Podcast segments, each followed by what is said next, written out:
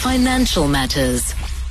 Babalwa Nonkenge is here with me in studio. Says good evening to you. Are you well? I'm well, thank you. Thanks So- for having me. Thank you so much for coming. And uh, you, you, you know, people are really enjoying your contribution. I'm telling you right now, folks are enjoying your contribution. Jabulele. and uh, and and and just the the approach you take in talking about finance. One of the things that comes to mind was the conversation you and I had about a non-judgmental, non-finger waving approach to talking about finances and financial wellness, personal financial well- wellness. And somebody came to me and said, I didn't know that that was the problem that I had with the financial conversation in South Africa until Babalwa actually po- pointed it out to say that the tone of the conversation is always very pejorative and finger pointing and finger wa- wagging. I didn't know that that was the problem that I had with the conversation. I mean, we've got so many fires burning, right? Yeah, In your yeah. intro, you highlighted so, So many many, things, issues, yeah, right? There are so many things for us to attend to. And to have somebody listening tonight and we're saying to them, please think about saving for retirement. That has to take some unplugging. That has to take some deprioritizing of certain things during their day and prioritizing this thing in a, a hyperinflationary, if I may say so, environment where things are tough. People are losing jobs. And so we have to approach it with kindness first to self because there is just a lot. Kuningi, bra obs. Kuningi that people are contending with. There is a lot. There is a lot. And yet it's an important thing. And so for those that are listening to us, I think the start, I would first applaud them for, for, for tuning in so that whatever we say, even if they don't implement it tomorrow morning, it sits somewhere at the back of their mind and they take in the information and then they implement it in their lives. So somebody was, we were talking about other stuff with somebody, and we were talking about male leadership versus female leadership. Right there, that's it. That's what I'm. I wanted to identify as what I call feminine leadership. This approach to teaching, to talking about difficult issues in difficult times that is non-judgmental, that is nurturing, that is warm, that isn't about the percentages so much as it is about you understanding the percentages for yourself. And that for me is, I suppose, the most powerful takeaway from our conversations that helps me understand the principles that you teach. Let's talk a little bit about um, uh, uh, retirement. What do you understand retirement to me? So, in when I was growing up, people who were retired were my grandparents. You know, they had done their time, they'd contributed to society, and now they were at home, maybe working in the fields. These days, it's slightly different. I don't think people my age and your age are really going to retire. There's so much more hobbies. Yeah. There's so much more avenues to practice work outside of what we've always understood as as work, as a profession, as waking up and going to work. The fact that a lot of people today, it's very socially acceptable to work from home, to work for companies all over the world means that you don't need to hereby apply and complete a Z what's that governance form, Z83 form, and wake up and drive to the office. Just because the world is evolving and our currency is different. And so while we need to protect ourselves from queuing at the SASSA queues when we are no longer eligible for the mainstream employment. And while some of us may be in a privileged position to be able to ply our trade from here, but you know, for different entities around the world, it is important because a lot of employers do say, at 55, at 60, we cannot gainfully employ you unless you work for Cyril Ramaphosa because we know a lot of the people that work in the government are above those ages. So it becomes important Especially in Parliament. it becomes important from that early 20s person to the middle aged person who's raising a family to all of us really to consider what is going to become of our lives when we are no longer chasing the traffic, when we are no longer permanent employees. We need to have ways where we look after ourselves apart uh, or in addition actually to what our employers force us to do? What are the advantages right now in terms of cash flow, in terms of tax that we can maximize in the effort to to give ourselves a, a fighting chance when we are post 55 and 60. So I'm not too far from that place. Um, uh, so I've got to seriously be listening to what you what you're saying at the moment. But the Minister of Finance, Minister Enoch Godongwana, in a certain portion of his speech, spoke about the fact that we will now be able to access a certain portion of our retirement fund, and that portion of money has now been increased. You'll probably be able to explain to me what that means. Um, that we, we, we will now be able to ex- access it in cash form, uh, and that amount of money has increased. I want you to tell me what that means. Can you allow me to take a few steps okay, back? sure, sure. So there's a recognition that in South Africa, particularly for our less educated folk, Yeah. what some of us take for granted being a paycheck every month is something that those individuals have only enjoyed when they stop working. So if you think of the lady who works at your house or the gentleman who looks after your garden or the driver who works a menial job that does pay them a salary but doesn't have a pension fund in most cases, I'm speaking generally now they if they have a benevolent and kind employer they've had the certainty of a salary but when that 60 65 hits there's no certainty so there's been a recognition that a lot of our people could only access things such as housing when they have the regularity of a SASSA grant.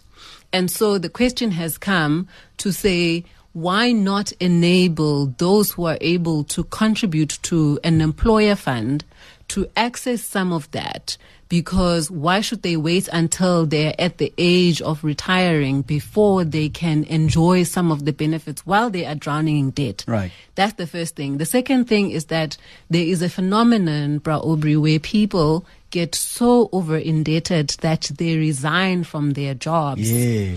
And while you are only allowed a certain portion when you transfer jobs, people would rather take the tax knock when they resign and take whatever they've accumulated because they are overly indebted.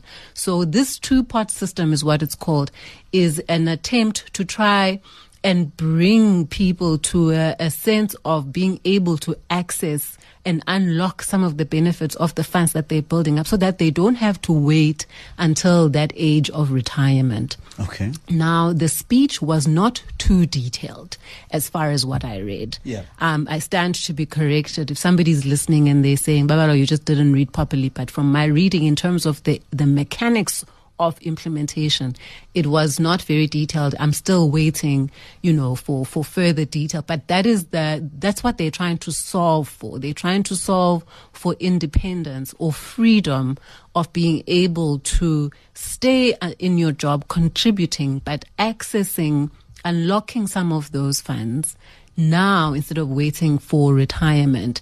Um, and and also enabling you to enjoy some of it now. But I think we need to caution our our listeners because the fact that it's sitting in a designated pot called retirement funding means it's for when you don't have a job. Meaning it's always going to be to your benefit to live under your means, mm-hmm. to live prudently now so that you don't access what is intended for later right now because later is still coming. We have proof the actuaries are telling us that we live longer than our forebears. And so you don't want to get to the 60s and the mid 60s and find that you've used all of the allowances yeah, now, yeah. whereas you could have given yourself a better chance by living under your means and training yourself to survive under your means now so that you have more time in the market so that those those assets grow for you. And I mean I'm speaking generally now but but people's circumstances are very different. Sure. But if you can help it, rather today use what's intended for today and leave what's intended for the future for the future. So give me a call, 011 if you have an educated understanding of what the Minister of Finance had to say um, around the issue of the access to certain retirement funds and what it means for you. But I'd also like to hear from people that are retired now. What are the challenges that you're experiencing right now uh, in terms of the levels of preparedness for this phase of your life. That if you could speak to your younger self, you would say, listen, do this, do that, don't do this, don't eat that, don't go there. Give me a call right now. But I also want to, I suppose, as a meta conversation, uh, Babalwa, get a sense of what is this thing, retirement? What, is, what is it? Because I just get a sense that there's never been such a thing until such time until we entered the industrial area era. Sorry, that that the people carried on working. They changed vocations and they changed roles, but the idea of retirement sounds like it's a time to stop and in your job. Doesn't necessarily mean that you need to stop working, does it? So my maternal grandfather was a school principal. Yeah. And um, I think when I was born, he was already retired, but they used to call him a lot. So I, I grew up with. I, I have You memories. consulted. I, I have memories of him marking. Yeah. Um, but he worked the land. Um, he really worked the land. So he was never a guy you would find not waking up early in the morning. He was a guy who woke up early in the morning because those who work the fields will know that, you know, you have to work before the sun gets too scorching. Sure. Um, and, and so I think it, it explains a little bit what you were saying that people didn't really stop. Um, he was fortunate in his generation to be a school principal, but he always worked the land even while he was a school principal. Right. Before school, my mother and her sisters and brothers will tell you So get your side hustle now. Eh? they, they used to first go to the Emasamin. Yes. What's Emasamin in English? The Uh, fields. the go yes, to go and work. Yeah. Um, they, they used to go to the field before school. And they would, he would then ride his bike and off they would all go to school. He, they are walking, he's on his bike, except for my youngest aunt who's on the bike with him. Then after school, they are back at the fields. So, so he's always been doing double work. He's always been a professional teacher and school principal, a lay minister on a Sunday, but he's always been working the land. Right. So that guy never retired up, up until his 90s, until physically he couldn't. Right. But I mean, I think it comes with, with the stage where you need to let newer talent come in, make space for, for newer teachers. I think it's part of the handing over of the baton. I I think it's a healthy way to look at it like that, um, because because people who are in their seventies. I mean, my dad turned seventy one today. Those people still have a lot to Ah, offer today. Today, Happy yes. birthday to the to the senior man. Yeah. Um, you know, those people still have a lot to offer. And I think we do ourselves a disservice by putting them on the shelf and saying, you're an old man, sit there, don't go anywhere, because that's how then their diseases catch up to them. Right. But to your earlier question of what they should be doing earlier in life is really this attitude towards debt, especially unsecured debt.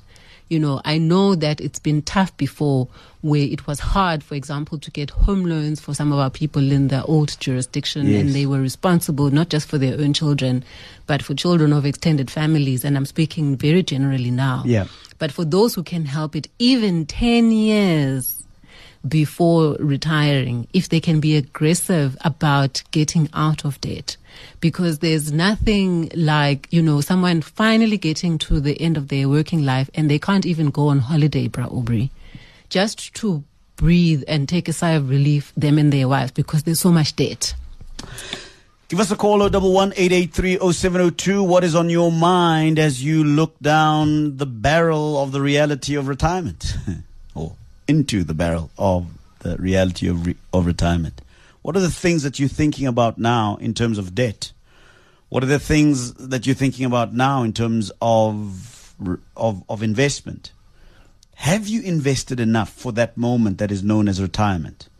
Um, I'm just thinking uh, that before the industrial age, where everybody had to be specialists in something and we were churning things out uh, by their millions, we, we had conveyor belts of making things, that whole industrial uh, revolution.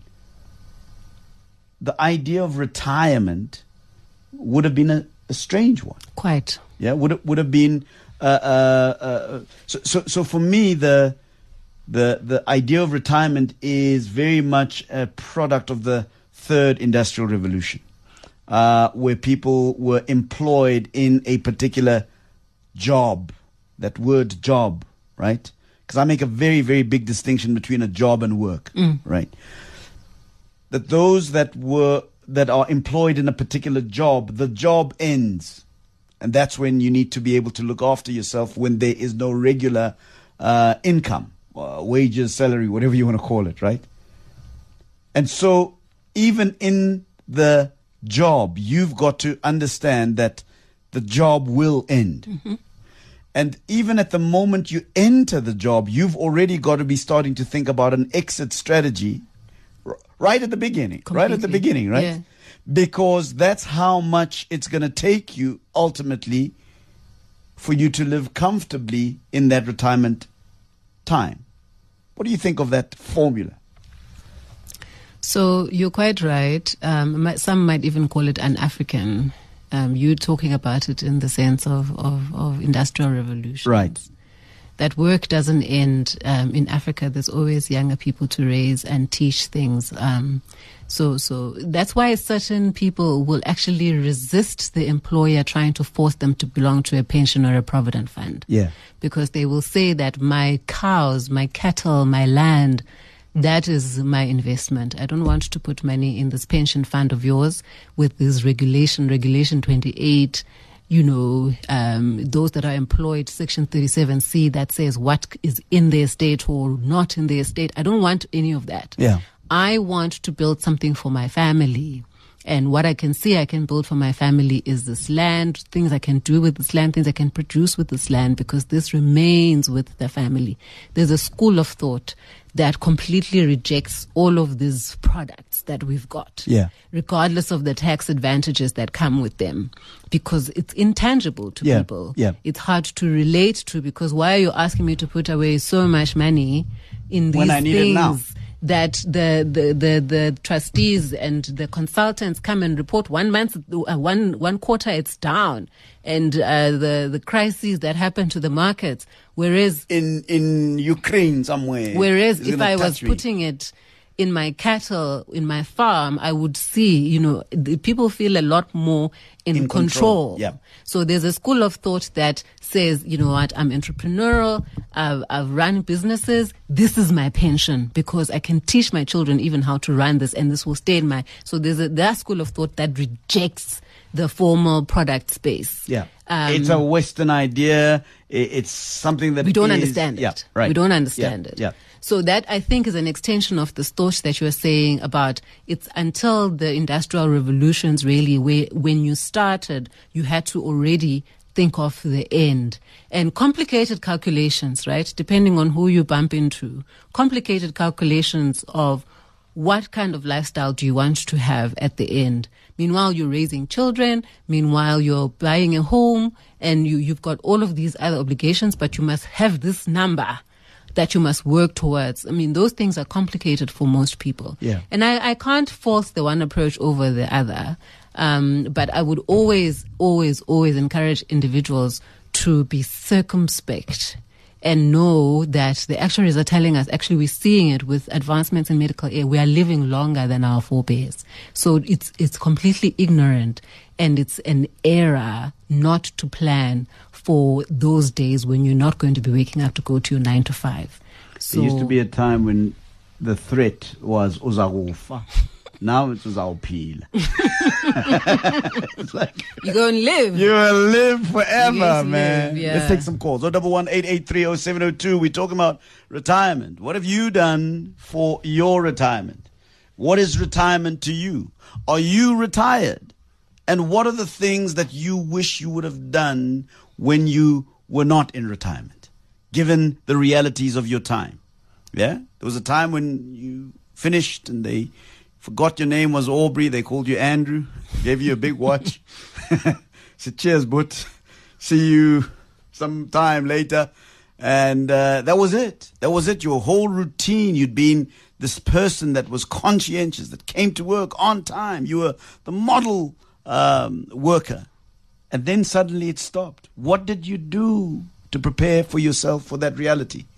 Be interested to hear your thoughts about that. TK is in South Hill. Good evening to you, TK.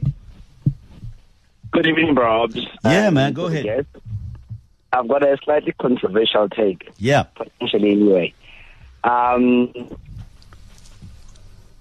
fathers and our mothers spend most of their time trying to make ends meet and could barely own the land and the means from the land. And when they retired, they ended up um, owing a bond. So then the question was, what do you do with the bond? So for me, this somehow to an extent makes a lot of sense. The minister's announcement, although it's not new. Yeah. Um, so I think it, I think it just you know it it it, it face value makes sense. What I wanted to ask um your lovely say, um, my understanding was that there's a vested pot and an unvested pot of the two pot system. My limited understanding was there was about a 33 percent from I think 2001, if memory serves me well, from which you could then not oh the balance of 33 percent of the of the other side you could not um, withdraw before retirement, but prior to you could then withdraw.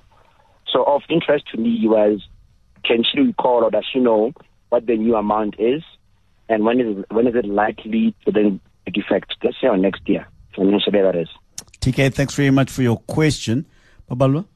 So this is the part I confessed to being sketchy on the details around because this discussion has been coming for a while. I think three years ago, if not two years ago already, they've been talking about this two-part system, talking about this two-part system. Um, but uh, but the, the the the years he's mentioning sound quite quite quite far from what I, I remember. Um, and so, TK, please forgive me in front of all South Africans. I'm going to have to come back um, and we can delve deep, deeper in, into this issue. I, I hear the cry about, you know, our parents now have a bond. But I want to challenge that back and say there are ways today of intervening before we get to that end point, right? Without touching necessarily um, the the money that's intended for later.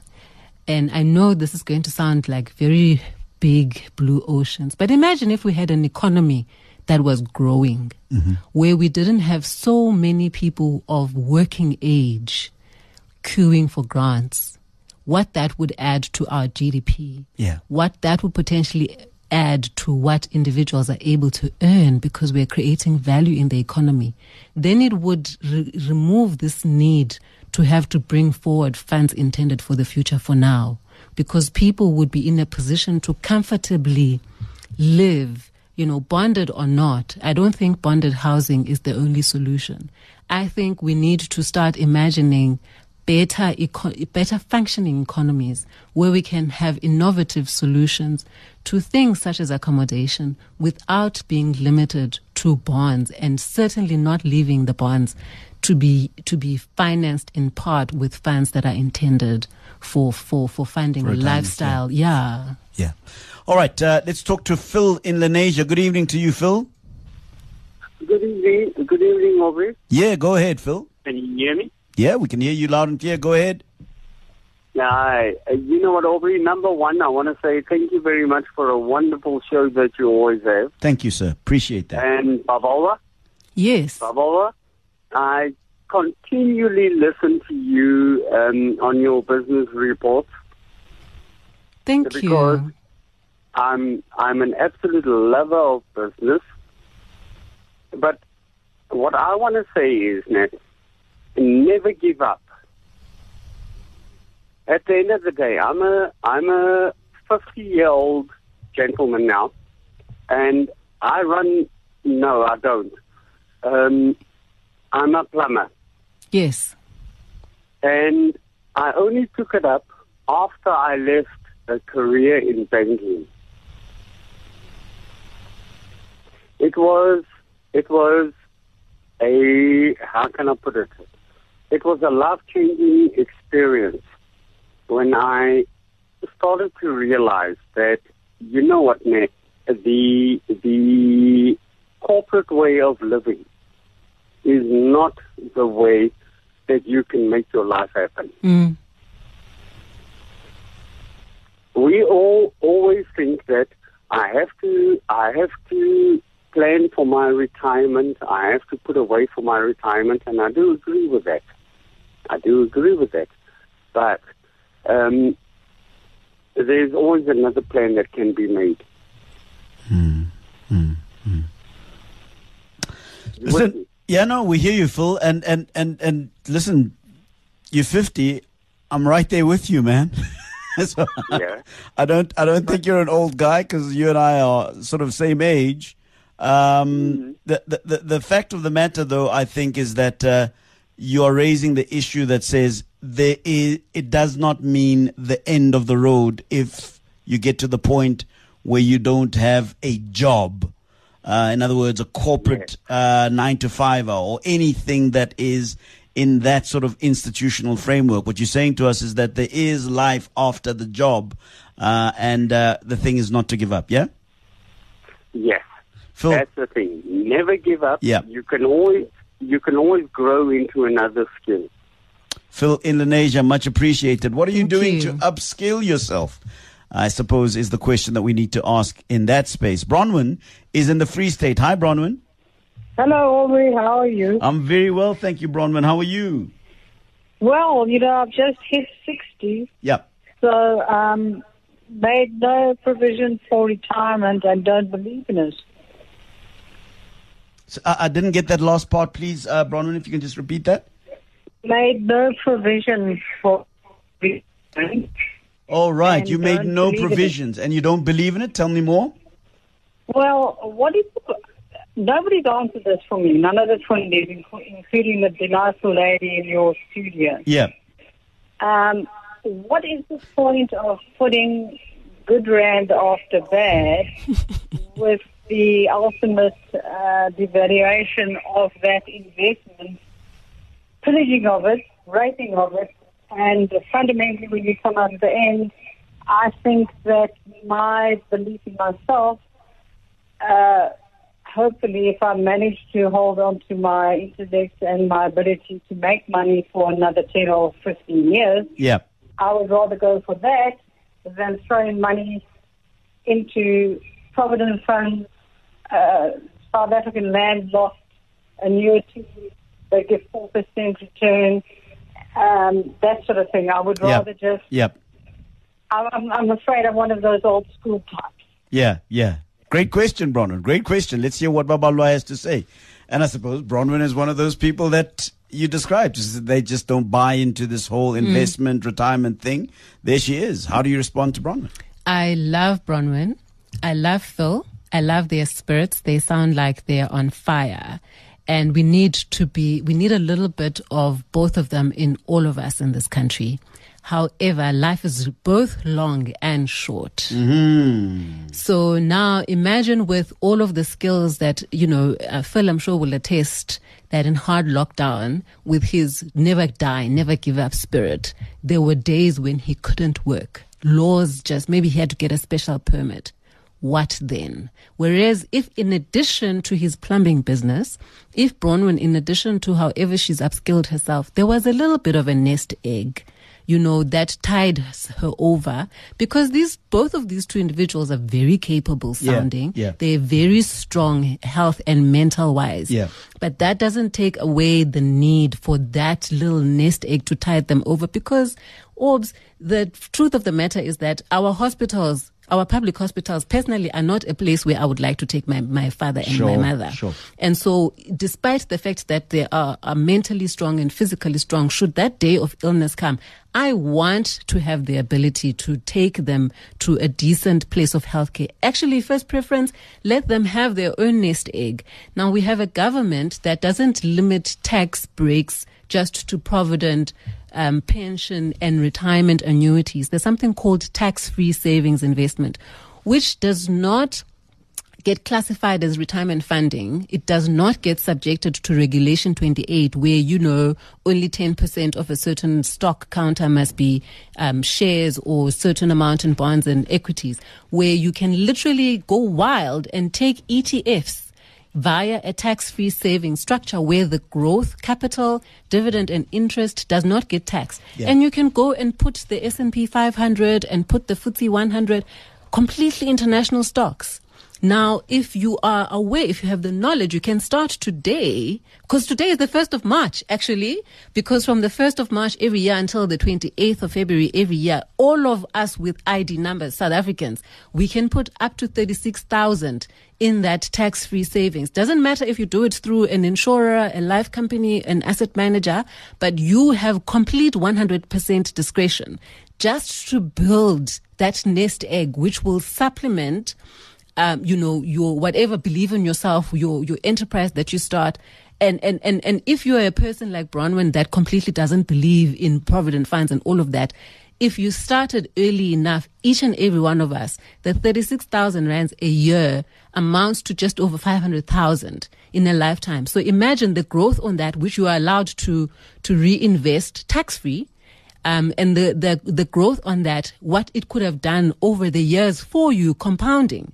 It doesn't take away from the self belief. It doesn't take away from the self motivation. It just gives that extra little bit of a cushion. For no other reason, it is a it is a trampoline. It is you know I'm thinking of of these trapeze artists in the circus who are very capable who are very, very well trained, who can fly from one part of the tent to the other. They are trained. They hardly ever make a mistake. But on that one day, on that one day when they can't reach the other acrobat who catches them, there better be a trampoline to catch them when what they a beautiful right? analogy. Yeah. What So- a beautiful so- so- analogy. So, so I think that that's what you're saying. You're saying that, listen, we know that you're a great trapeze uh, athlete. You're a great acrobat. We love you, and you do, you do well. But you know, sometimes there's lockdown, and uh, And I, I love particularly people like Uncle Phil who called us. Yeah. I love the person who's experienced corporate who says, Yeah. no, not for me. Yeah. You know,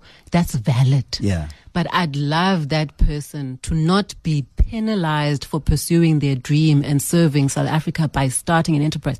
He's supporting families. He's paying salaries. Sure. It's very noble what he's doing. Yeah. But I would love it for him to have a little bit of a nest egg, something Yeah. that cushions him against the harsh reality. let's talk to Ntabi Singh in Tulisa Park. Hi, Ntabi Singh. Hi, Raob. Hi, Babalwa. Yeah, hi. Go for it, uh, Ntabi Singh. I started my first job at the age of 22, not really knowing much about money or how to use it. So when I resigned to move on to my next airline, I took the option to take my pension fund. And instead of paying my debt, I spent it so recklessly. And it hit me that I was actually never really taught how to use money wisely. Hmm.